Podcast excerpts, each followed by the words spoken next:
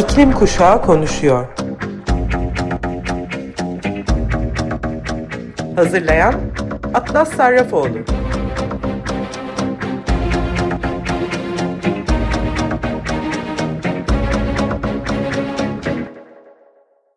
Merhaba Sayın Açık Radyo dinleyicileri. Dünyamızın en büyük sorunlarından biriyle ilgili konuşmak istiyorum bugün. 30 milyon yıl önce aşırı sıcaklar, doğal kimyasal değişimler ve dünyanın kabuğunun aşırı basınç altında kalmasıyla birlikte başlamış plastiğin hikayesi. Yani petrolle birlikte. Plastiğin içinde %99 oranında fosil yakıt bulunuyor. Yani aslında plastik sorununa sadece atık sorunu olarak bakmak da yanlış. Yani plastik üreticileri yine karşısında olduğumuz şirketler. Exxon, Chevron, Dow DuPont ve Shell gibi kirletici şirketler. Plastik aslında bu şirketlerin atık malzemesiymiş. Ya düzgün bir şekilde para harcayarak atık olarak bertaraf etmeleri gerekiyordu ya da yeni bir ürüne dönüştüreceklerdi. Bu sözde hayat kolaylaştırıcı ürünlerin arasında kumaşlar, diş fırçaları, otomobil lastikleri, böcek ilaçları ve kozmetik ürünleri vardı. 1929'larda yaşanan büyük buhran ve 2. Dünya Savaşı sonrası tüketim çılgınlığı başladı. Zamanın en büyük buluşlarından biri olarak anılmaya başlanan ve neredeyse sonsuza dek yok olmayan plastik bugün içinde boğulduğumuz büyük bir kirlilik sebebi. Plastik çok geniş bir konu aslında. Ben bugün tek kullanımlık plastikler hakkında konuşmak istiyorum. Birçok ülkede tek kullanımlık plastikler kullanımları bildiğiniz üzere yasaklanıyor. Ama geçtiğimiz ay İstanbul'da sürdürülebilirlik kelimesini tanıtımlarında kullanmaktan çekinmeyen bir tek kullanımlık plastik mağazası açıldı. Üstelik aynı tanıtımında bir de çocuk kullanmışlar. Bilmem farkındalar mı ama çocukların geleceğine sorumsuz ve umarsızlar bence. Geçtiğimiz senelerde Greenpeace'in tek kullanımlık plastiklere karşı başlattığı kampanyada plastiklere hayır demek için sebepleri sıralamışlardı. Bunlarla sınırlı olmasa da 7 tane maddeyi sizlere okumak istiyorum. 1. Fosil yakıtlardan üretiliyor. 2. Yüksek karbon ayak izine sahipler. 3. Yüzlerce yıl doğada kalıyorlar. 4. Çok azı geri dönüşebiliyor. 5. Denizlerimizi kirletiyorlar. 6. Deniz canlılarını öldürüyorlar. 7. Yemek zincirimize giriyorlar. Ben de tek kullanımlık plastiklerle ilgili sorularımı sormak üzere bugün Nil Ormanlı Balpınar namı değer Nil kıyısını programa davet ettim. Başka Gezegen Yok kitabının da yazarı kendisi yeni açılan tek kullanımlık plastik mağazasının açılması üzerine bir mektup yayınlamıştı. Ee, sohbet öncesi size Nil kıyısının sosyal medyada yayınladığı açık mektubu e, dinletmek isterim. Hadi gelin birlikte dinleyelim. Sefer plastik ve Pagevi açık mektubudur. Gezegen ısınıyor. İklim felaketleri gün geçtikçe artıyor. Okyanuslar plastiklerle boğuluyor. Tüketimi azaltmamız, fosil yakıt kullanmayı bırakmamız ve tek kullanımlık plastikleri hayatımızdan çıkarmamız gereken bir dönemde çıktınız. Doğa dostu olduğu iddiasıyla Türkiye'nin ilk disposable shop'unu açtınız. Ve dediniz ki bulaşığa harcanan su ve elektrik israfını tamamen ortadan kaldırıyor. Peki ya ürünlerin üretiminde kullanılan su ve elektrik? Geri dönüştürülebilir olduğunu vurguladınız ve fosil kaynaklardan yeniden üretim yapılmasının önüne geçen ve yeni karbon salımını engelleyen tek kullanımlık ürünler döngüsel ekonomiye de katkı sağlıyor diyerek bizleri şaşkınlığa uğratan bir cümle kurdunuz. Ülkemizde geri dönüşümü neredeyse imkansız olan bu tür plastikten Nasıl tekrar tek kullanımlık plastik elde edeceksiniz? Tek kullanımlık demek kullan, işin bitince at, sonra yesini al demek değil mi? Yeniden üretmeniz gereken bir ürün nasıl oluyor da fosil kaynaklardan yeniden üretim yapılmasının önüne geçiyor? Yeni karbon salımını engelliyor ve hangi dünyada döngüsel ekonomiye katkı sağlıyor? Hadi diyelim geri dönüşüm işini hallettiniz. E geri dönüşümde fosil yakıt kullanılmıyor mu? Kullanılan ürünleri nasıl toplamayı düşünüyorsunuz? Biz ki ayrıştıramadığımız için yurt dışından plastik atık ithal eden bir ülkeyiz. Bu sorunu nasıl çözmeyi planlıyorsunuz? Bulaşık derdine son olduğunu vurguladınız ya. Bu kullandığınız ürünleri yıkamanıza gerek yok demek değil mi? Hani toplama ve ayrıştırma işini hallettiniz. E bu ürünlerin temizlenmesi için kaynak kullanmak gerekmiyor mu? Onlar sayılmıyor mu? Bir de bulaş riskini azalttığı iddialarınız var. Hangi bilimsel çalışmalardan faydalandınız? Plastiğin enfeksiyon riskini arttırabileceğine dair yayınları okumadınız mı? Artık insanlar okuyor ve araştırıyor. Greenwashing ne demek biliyorlar. Çevre dostu ürünle olmayan ürünü birbirinden ayırt edebiliyorlar. Bu söylemlerle kimi inandırmaya çalışıyorsunuz? Açıldığınızın haberi geldiği günden beri sadece çevreciler değil, mantıklı düşünebilen herkes karşı çıktı. Siz ne yaptınız? Yorumları sildiniz, hesapları engellediniz. Bir de plastiğin suyun üstüne yüzdüğü ve kolay temizlendiğine dair anlamadığımız bir açıklama yaptınız. Bu doğrultuda neden ürünlerinizin doğa dostu olduğunu öne sürüp marketinginizi bu söylemlerle devam ettiriyorsunuz? Biz işte bunu anlamıyoruz. Tüm dünya tek kullanımlık plastikleri yasaklarken biz ülkemizde bu ürünlerin teşvik edilmesini istemiyoruz. Bu tür plastikler yasaklansın, gerçek sürdürülebilir alternatifler çoğalsın istiyoruz. Çok mu istiyoruz? Saygılarımla Nil Kayısı. Hoş geldiniz. Ee, önce kendinizi tanıtabilir misiniz bize? Hoş bulduk. Öncelikle davetin sonra da bu plastik konusunu gündeme getirdiğin sana çok teşekkür ediyorum. Malum artık tek kullanımlı plastik dükkanlarının açıldığı, onların çevre dostu ilan edildiği günlerden geçiyoruz. O yüzden gerçekten bu konuyu bu şekilde konuşuyor olmak benim için de e, çok heyecan verici ve öne çok önemli olduğunu düşünüyorum. E, ben Nil, Nil Ormanlı Balpınar. Editörüm, çevirmenim, içerik üreticisiyim. Instagram'da Nil Kayısı isimli bir hesabım var. Orada plastiksiz, sürdürülebilir, az atıkla e, daha doğa dostu bir yaşama yönelik deneyimlerimi paylaşıyorum, bilgilerimi aktarıyorum. İklim krizine yönelik bir farkındalık oluşturmaya çalışıyorum. Başka bir gezegen yok isimli bir kitabım var. Green Vibes'in eş kurucusuyum. Ayrıca iki haftada bir Aposto'da yine aynı isimle yani Green Vibes ismiyle e, bülten çıkarıyoruz. 9-6 mesaim dışındaki tüm vaktimi ekolojik yaşamda daha kendime neler katabileceğime ve öğrendiklerimi nasıl insanlara aktarabileceğime dair çalışmalar yapıyorum. Çok güzel. Evet. Ee, çevirmenim dedin. Bu arada e, aktivizm üzerine bir kitap çeviriyorsun onu biliyorum. Onu heyecanla bekliyorum ben de. Evet. Ee, Yarın teslim edeceğim kitabı. Bakalım ne zaman çıkarsa artık. ben ilk sorumla başlayacağım. Şimdi çok e, genel bir soru. Plastik nedir? Doğaya ne gibi zararları var diye sorarak başlamak istiyorum ben. Şimdi buna biraz cevabım uzun. Ama tüm bu plastik muhabbetine girmeden önce şunu söyleyelim. Bizim hepimizin karşı çıktığı plastik türü tek kullanımlık plastikler. Yani 5 dakika kullanıp 10 dakika kullanıp atık haline getirdiğimiz plastikler. Yoksa şu an MR cihazlarında, bilgisayarlarda, bulaşık makinelerinde, şu an seninle konuştuğumuz bilgisayarda bir plastik var. Yani plastiğin o kısmını dahil etmiyorum şu an konuştuğumuzda. Çünkü tabii ki evet bunları hepimiz günlük hayatımızda kullanıyoruz. Bizim asıl karşı çıktığımız taraf tek kullanımlı plastikler ve bunların atık hale gelmesi. Şimdi plastik petrolden yani aslında bir fosil yakıttan üretilen bir madde. Hatta şöyle bir şey var. İlk plastik biler topu e, üretmek için üretiliyor. Çok enteresan.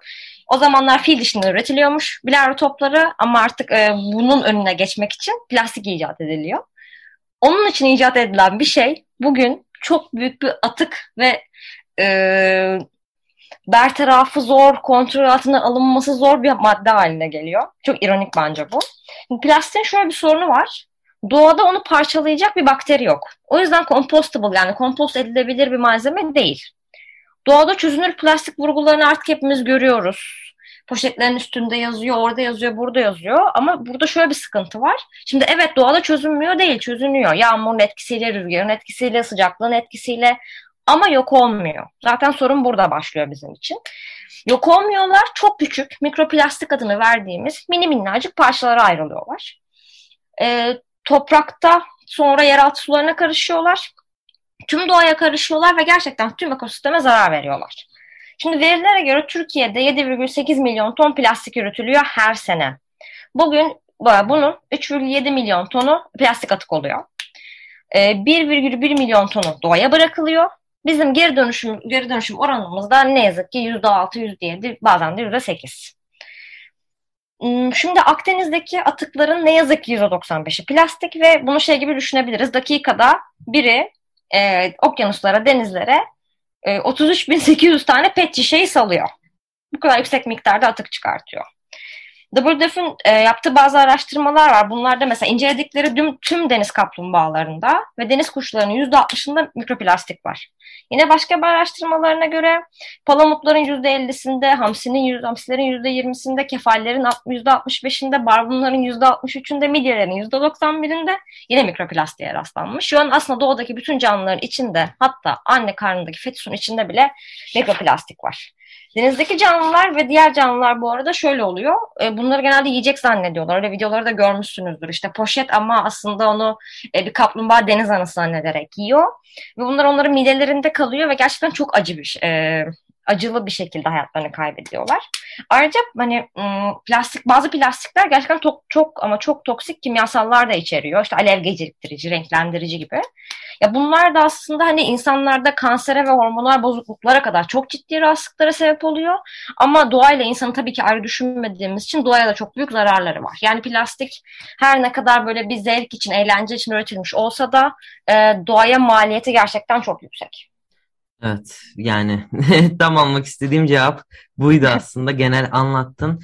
Ee, şimdi genelde hani plastik e, kullanıldıktan sonra çıkan atık sorunundan bahsediliyor plastik dendiği zaman ama asıl sorunlardan bir tanesi de üretim aşamasında tabii ki e, atık kısmını da dinlemek istiyorum senden ama ayrıca hani e, so, e, üretim aşamasını da dinlemek istiyorum. Bize bunun hani doğayı nasıl kirlettiğini, ne gibi e, zararları olduğundan bahsedebilir misin biraz? Tabii zaten hem Türkiye'de hem dünya çapında çok yüksek miktarda plastik üretiliyor. Zaten Türkiye'de söylemiştim 7,8 milyon ton. Küresel olarak da 400 milyon ton olduğu tahmin ediliyor. Ve yine biraz önce bahsettik zaten petrolden üretiliyor. Yani fosil yakıttan üretiliyor bunlar. Ve bu arada yine e, yapılan araştırmalara göre her yıl çıkarılan petrolün yüzde yetisi plastiklere harcanıyor. Yani yüzde yedi çok küçük bir rakam gibi düşünmeyin. Sırf plastik üretimi için yüzde yedi oranında petrol kullanılıyor.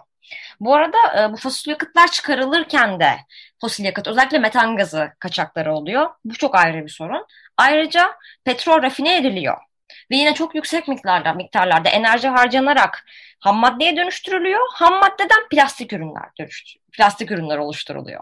Yani çıkarılmasından üretimine kadar hatta buradan da kullanımına, kullanımından sonra da bertarafına kadar tam bir iklim ziyanı olarak adlandırabiliyorum ben plastikleri. Çünkü mesela kullanırken de genelde böyle e, nalyon ya da plastikten üretilen kıyafetler çamaşır makinesinde biz yıkadıkça mikroplastik üretiyorlar. Ya da mesela diğer işte pet şişeler vesaire bir dakika pet şişelerin tekrar kullanılmaması öneriliyor. Kullandığımız zamanda da gerçekten çok fazla mikroplastik yayıyorlar. Şimdi geri dönüşümüne gelirsek, bertarafına gelirsek zaten oranımız çok düşük. Ve yanlış hatırlamıyorsam şu an dünya çapında üretilen plastiklerin sadece %9 gibi bir oranı var. Ee, üretildiği günden beri geri dönüşüm oranı %9 gibi bir şey. Plastiklerin 7 farklı türü var. Ve bunlar ne yazık ki çoğu geri dönüşüme uygun değil. Bu arada bu plastiğin geri dönüştürülebilir olması geri dönüştürüldüğünü de göstermiyor. Bu arada ülke, tesis, e, kirli olup olmaması çok fazla faktör devreye giriyor. Şimdi biraz geri tek kullanımlı plastiklere bakacak olursak onların türü beşinci yani e, polipropilen isimli plastik türü. Yine böyle iddia edildiğinin aksine ne yazık ki Türkiye'de bu ürünlerin geri dönüşümü mümkün değil. Ayrıca bunların geri dönüşümü de maliyetli. Çünkü tek kullanımlık plastikler genelde gıdayla, gıdayla kullanılıyor. E bunları temizlemek gerekiyor. Çünkü siz bir ürünü geri dönüşüme gönderirken kirlilik oranının yüzde bir olması gerekiyor. Yani yağsız olmasının gerekiyor, gıda içermemesinin gerekiyor. E hadi diyelim bunlar işte geri dönüştürülüyor bir yerde, bir, başka bir gezegende. Yine temiz olması gerekiyor. O yüzden çok yani bizde kim ayrıştırıyor, kim topluyor, hangi tesise götürülüyor bunlar zaten biraz böyle bilinmezliklerle dolu. Yani üretimi de, kullanımı da, bertarafı da açıkçası gerçekten iklim maliyeti çok yüksek diyebilirim plastikler için. Anladım. Benim anlamadığım şey şu, Türkiye'de tek kullanımlık plastiklerle ilgili ha hala harekete geçilmedi zaten. Bu bilinci sizce uyandırmak için neler yapmalıyız? Ben bunu çok merak ediyorum. Bu arada aslında harekete geçilmesine yönelik bazı çabalar gösterilmiş ama bunlar engellenmiş. Bu da çok ayrı bir mevzu. Yani o yüzden yine her zaman olduğu gibi iş bize düşüyor. Yani anlatacağız. Bugün burada yaptığımız gibi seninle ya da işte grevde konuştuğumuz gibi ya da senin işte programlarında, sosyal medyanda yaptığın gibi, benim Instagram'da yaptığım gibi, benim eğitimlerde yaptığım gibi plastiklerin zararlarını tek tek belki hatta yeni gelirse böyle kişileri durdurup bakın bu böyle, bakın bu böyle diye diye diye diye anlatmamız gerektiğini düşünüyorum. Ve şimdilik herhalde bireysel olarak e, bazı çabalarda bulunabiliyoruz. Yani ben devam edeceğim her şekilde. Her eğitimimde, her programımda, her canlı yayına çıktığımda bunların zararlarından bahsetmekten asla gocunmayacağım. Aynı cümleleri teker teker söylemekten yorulmayacağım. Bireysel olarak önce kendimize dönüşüm başlatmamız gerekiyor diye düşünüyorum ama. Yani tek kullanımlı plastikleri hayattan çıkartmak zor değil. Konfor alanınızdan bir tık çıktığınız zaman zaten kolay. Ben ne yapıyorum onu söyleyeyim. Zaten her zaman bir sırt çantasıyla çıkıyorum çünkü termosum var, kahve bardaklarım var vesaire. Her zaman yanımda işte bambu olur, metre olur, evinizdeki çatal bıçaklar bile olur. Onları yanımıza taşıyacağız. Yapacak bir şey yok. Minik bir keseye, minik bir çantaya bunların hepsini koyabiliriz. İlla gidin de işte böyle bu fancy sıfır atık ürünleri alın da demek istemiyorum. Ama evimizdeki çatal bıçaklarımızı ne kadar ağır olabilir ki? Birer tane koysak çantamıza o kadar çok tek kullanımlı plastiğin önüne geçmiş oluruz ki. Aynı şekilde pipet. Eğer kullanıyorsak pipeti, kullanmıyorsak tabii ki gidip pipet almamıza gerek yok. Ama pipet kullanmayı seviyorsak ya da bir diş rahatsızlığımız varsa cam, bambu, silikon bir sürü alternatif var artık e, pipetlerin. Bunun dışında işte termosumuzu taşıyacağız. Kahve bardağımızı taşıyacağız. Ya biraz konfor alanımızdan çıkacağız çantamızı bir tık büyüteceğiz ama bunları yanımıza taşıyacağız. Ve artık belki de hani tabii ki ofensif olmadan plastik pipet kullanan birini gördüğümüz ya da pet şişe alan birini gördüğümüzde belki tatlı tatlı uyarmakta fayda var. Çünkü bu arada şöyle bir bakış açısı var insanlarda. E geri dönüşüyor ya ne olacak ki? Ama öyle değil. Yani olay zaten geri dönüşüp geri dönüşmemesi de değil. Keza geri dönüşmüyor. Ama önemli olan bizim bunları azaltmamız. O yüzden el ele vereceğiz. Sizlerin desteğiyle hepimiz birlikte anlatacağız, anlatacağız, anlatacağız. Alternatiflerin olduğunu göstereceğiz. Bunun mümkün olduğunu göstereceğiz. Ve ben inanıyorum ki bunu başaracağız. başaracağız. Ben ben sonuna kadar inanıyorum ya. Ben yani iklim aktivisti olmak için zaten bir umudun olması gerekiyor. Yoksa yani umut yokken neye çalışırsın hani onu da bilmiyorum. Ee, hani ben dediğim gibi ya bilimsel raporlarda da öyle tabii ki hani hala zamanımız var. Dolayısıyla e, yani hala zamanımız varken harekete de geçmemiz gerekiyor. Ee, burada söz konusu bütün canlıların geleceği olunca bizim cidden harekete geçmemiz gerekiyor ve hmm, bize eklemek istediğin, söylemek istediğin e, başka bir şey varsa hani son soruya geçeceğim ondan sonra onu dinlemek istiyorum. E, önemli bir konu. E, şimdi e, biraz önce hani e, şeyden bizim röportajımızdan önce e, bir şey dinlettik, kayıt dinlettik. Sepa Plastik ve Pagev'e açık bir mektup yazdın. Ee, herhangi bir cevap aldın mı kendilerinden diye çok merak ettim ve bundan sonra ne yapmayı planlıyorsun diyeceğim. Son Cevap almadım. Keşke Hı-hı. alsaydım çok mutlu olurdum. Çünkü soru sordum. Bu arada ben mektuptan önce bir tane de metin yazmıştım yine Instagram'da. Çok ironik bir metinde. Çok güzel tepkiler aldım ki genelde sen de biliyorsundur. Genelde böyle bir olaylar olduğunda genelde çevreci kesim ayaklanır. Çevreci kesimden böyle bir daha niş bir şekilde e, eleştiriler gelmeye başlar. Ama bu sefer gerçekten herkes sinirlendi. Ya gidip de sadece bir tek kullanım plastik dükkanı açsalardı ki zaten var buna kimse bir şey demeyecekti ama yok sürdürülebilir e, şey döngüsel ekonomiye katkı sağlar, bulaşık derdine son, geri dönüştürülebilir, kaynak harcamayacak gibi söylemlerde bulundukları için bu söylemler ne yazık ki doğru olmadığı için e, insanlar gerçekten bu saçmalığın farkına varlar ve çok güzel tepkiler geldi. Bu arada e, bir, bana değil ama birkaç arkadaşım engellediklerini sonra engeli açtıklarını biliyorum. Yani şahit oldum bu duruma ama bana cevap vermediler. Ben ne yapacağım bundan sonra? İşte sizle birlikte bir video projemiz var. Ama bunun dışında da dediğim gibi yani ben her yerde, her şekilde bunları anlatmaya devam edeceğim. Çünkü tüm dünya tek kullanım plastikleri yasaklıyorken bizim bu geriye dönüşümüzün sebebini de ben anlayamıyorum. Kimse anlamıyor. Zaten sıkıntı tamamen buradan çıkıyor. Ama dediğim gibi inanıyoruz, güveniyoruz. Bireysel olarak biz bu dönüşümleri başlatacağız ve sonunda belki birileri sesimizi duyacak ve tek kullanım plastikler yasaklanacak diye de umut ediyorum ben. Evet, hepimiz umut ediyoruz. Yani zaten e, ben şeyden önce söyledim. Bu röportajdan önce hepimiz dinledik. Yani tek kullanımlık plastik için mağaza açmak.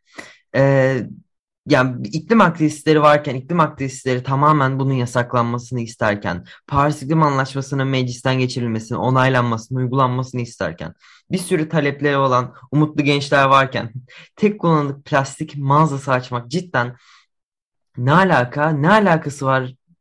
Yani Çok komik. çok komik, çok ama trajikomik. Ee, ve hani senin de söylediğin gibi cidden e, şey de yok. Ee, bir kanıt da yok ortada. Söyledikleri şeyler yanlış.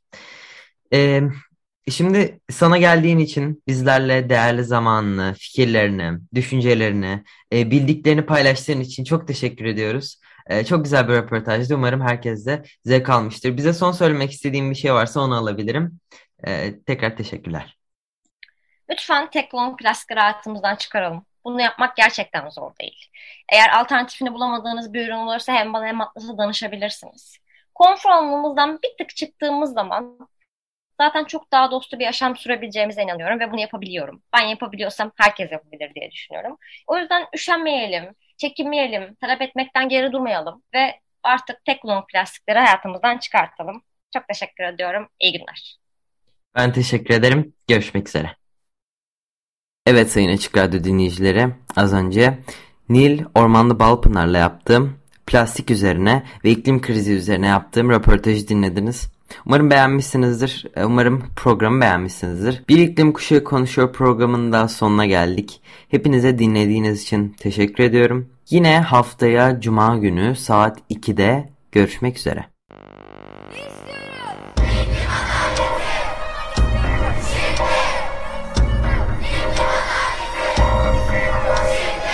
İklim Kuşağı konuşuyor.